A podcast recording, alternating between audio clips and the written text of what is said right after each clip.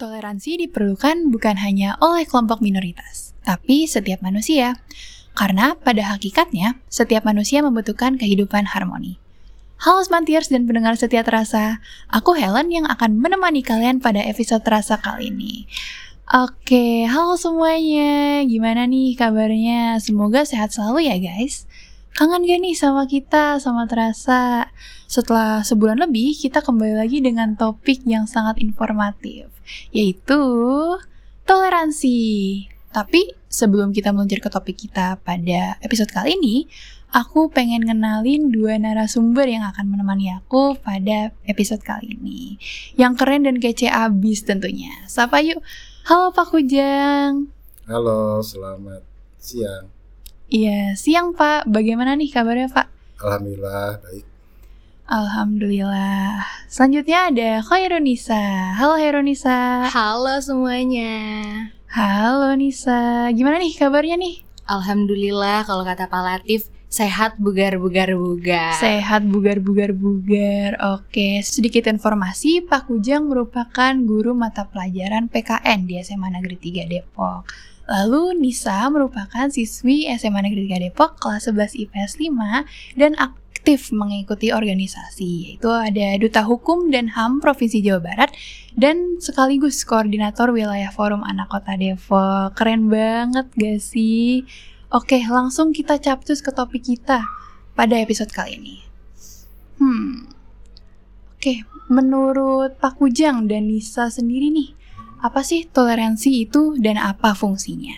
Boleh dimulai dari Pak Kujang terlebih dahulu. Oke, toleransi itu secara etimologi berasal dari kata bahasa Inggris tolerance atau bahasa Prancis tolerare yang artinya sikap membiarkan seseorang punya pendapat yang berbeda.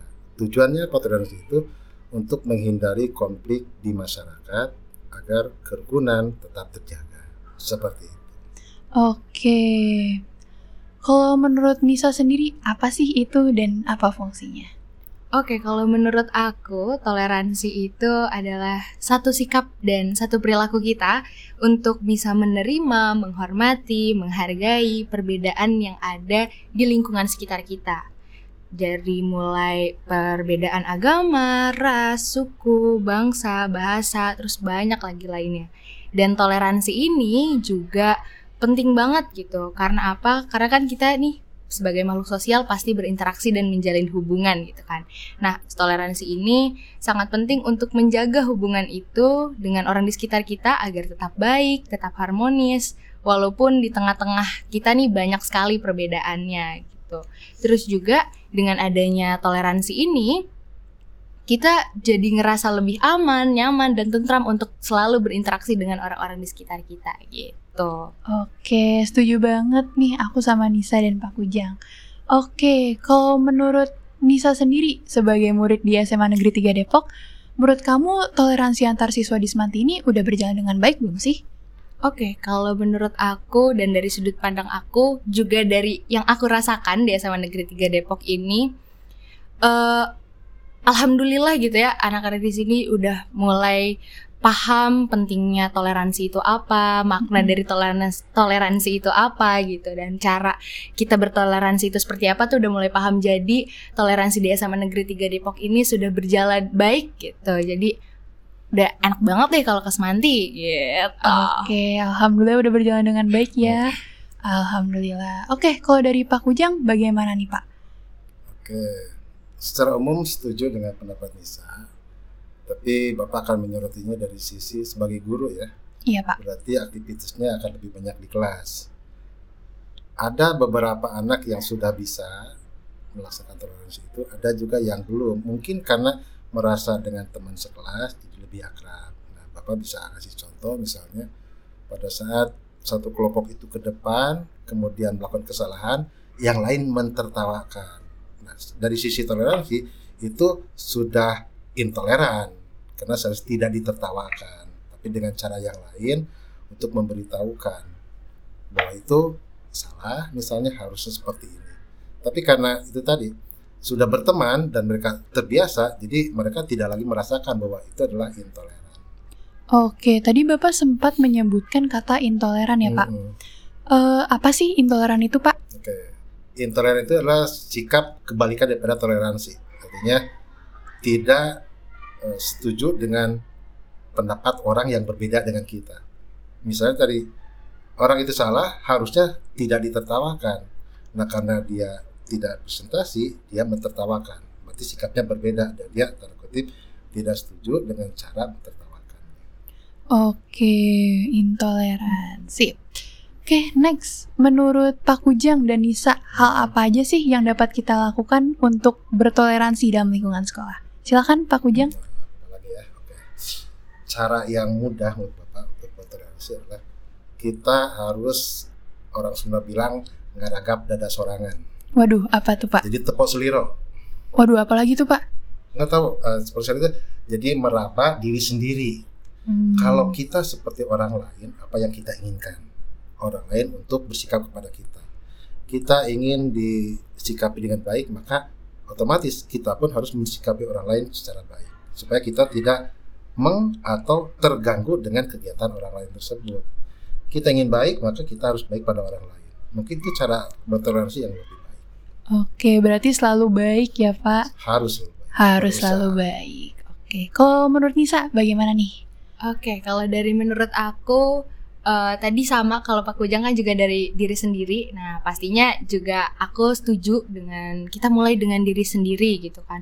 Di mana kita bisa menerima orang lain, bisa menghargai orang lain, bisa eh, menghormati orang lain supaya kita juga mendapatkan hal itu sama kayak tadi Pak Kujang omongin. Terus juga mungkin aku eh, dari segi pertemanan kali ya karena kan sebagai siswa nih pasti pergaulan pertemanan ini yang nempel banget sama diri kita gitu kan. Iya, benar. Nah, kalau dari segi pertemanan itu seperti yang teman-teman pasti juga udah pada tahu nih, teman-teman yang mendengar juga udah pasti pada tahu kalau kita nggak boleh membeda-bedakan, nggak boleh milih-milih temen gitu kan, nggak boleh membeda-bedakan temen dari sukunya, bangsanya, bahasanya, agamanya gitu kan. Kayak misalnya, eh gue kan orang Jawa, gue berteman aja sama orang Jawa, ngapain berteman sama orang Sunda gitu kan? Waduh. Wah, itu kan enggak gitu ya. Enggak Terus juga sih. Iya, terus juga kalau misalnya iya eh, gua kan bahasanya bahasa Inggris. Dia kan ngomongnya kagak bisa bahasa Inggris. Kan lah kata kagak boleh begitu kan? Ih, nggak Gitu. boleh dong. Iya kan? Eh, jadi itu tadi nggak boleh membeda-bedakan teman. Tapi kalau teman, kalau pertemanan itu juga harus dipilih-pilih. Mm-mm, Pilih-pilihnya setuju. gimana? Yang baik, yang nggak apa kalau zaman sekarang eh, nyebutnya toksik ya, toksik. Toxic. banget ya nih, toksik gitu. Yang yang nggak ngebawa dampak buruk buat diri kita. Jadi kita pilih-pilih yang membawa dampak baik gitu buat diri kita. Oke, sip. Lanjut ke pertanyaan selanjutnya. Apakah lingkungan mempengaruhi sikap toleransi dari seseorang? Boleh Pak Kujan terlebih dahulu? Oke. Karena kita hidup di masyarakat, pasti lingkungan itu akan mempengaruhi. Dan menurut Bapak, pengaruh kepada karakter seseorang atau sifat seseorang, lingkungan itu besar sekali. Katakanlah bisa 70%. Karena lingkungan itu memberikan kenyataan bagi seseorang. Sedangkan keluarga dan sekolah itu memberikan nilai-nilai. Nah, kadang di masyarakat antara nilai dengan kenyataan berbeda. Nah, sifat anak remaja adalah selalu instan. Jadi mereka melihat apa yang nyata itu yang dia lakukan. Sehingga dia selalu melupakan nilai-nilai yang sudah diberikan. Sehingga dampaknya lingkungan itu negatif akan berdampak sangat besar. Lingkungan itu positif juga akan membawa dampak yang lebih besar. Nah, tinggal anak itu bisa nggak memilih dan memilah yang mana yang akan dia ambil. Nilai kah atau fakta di lapangannya. Seperti itu. Oke, kalau dari Nisa nih bagaimana? Oke, tadi Pak Kujang udah ngejelasin, mungkin udah cukup menjelaskan secara rinci gitu ya. Sampai saya bingung nih mau ngomong apa gitu kan. Tapi kalau misalnya saya boleh nambahin nih Bapak. Nambahin apa? nambahin apa nih? Jadi eh, kalau tadi kan eh, Pak Kujang udah ngejelasin dari sisi-sisi hmm, pelajaran gitu ya. kalau saya mungkin nambahin apa ya pandangan aja gitu kali ya boleh ya pandangan POV nih, POV. pandangan asik banget gak sih Asik dong. Jadi kalau menurut eh, pandangan aku tadi selain setuju sama Pak Kujang, aku juga mau nambahin kalau yang tadi balik lagi kita boleh harus milih-milih teman. Nah, teman ini kan termasuk dalam satu lingkungan kita yang sama kan. Maka dari itu eh lingkungan berpengaruh besar buat cara kita untuk berinteraksi dengan orang lain. Cara kita bertoleransi gitu dengan menghargai orang lain. Kalau misalnya lingkungan kita eh, yang eh dia kan dia kan ini orang Sunda gitu mah beda ntar itu jadi ikut jadi Iya, hilang rasa toleransi di dalam diri kita karena oh dia aja nggak toleransi berarti gua nggak apa-apa kalau ngelakuin hal yang sama kayak dia gitu Mm-mm. makanya itu tadi membawa dampak besarnya tuh di situ aku setuju sama Pak Kujang Oke, eh, pertanyaan terakhir nih. Apa pendapat Pak Kujang dan Nisa mengenai orang-orang yang masih membedakan suku, ras, dan agama? Boleh dari Nisa terlebih dahulu? Oke, kalau dari aku nih em, orang yang membeda-bedakan kayak suku, agama, ras itu orang yang kebanyakan waktu gitu. Gabut Hmm. ngapain sih dia ngapain gitu.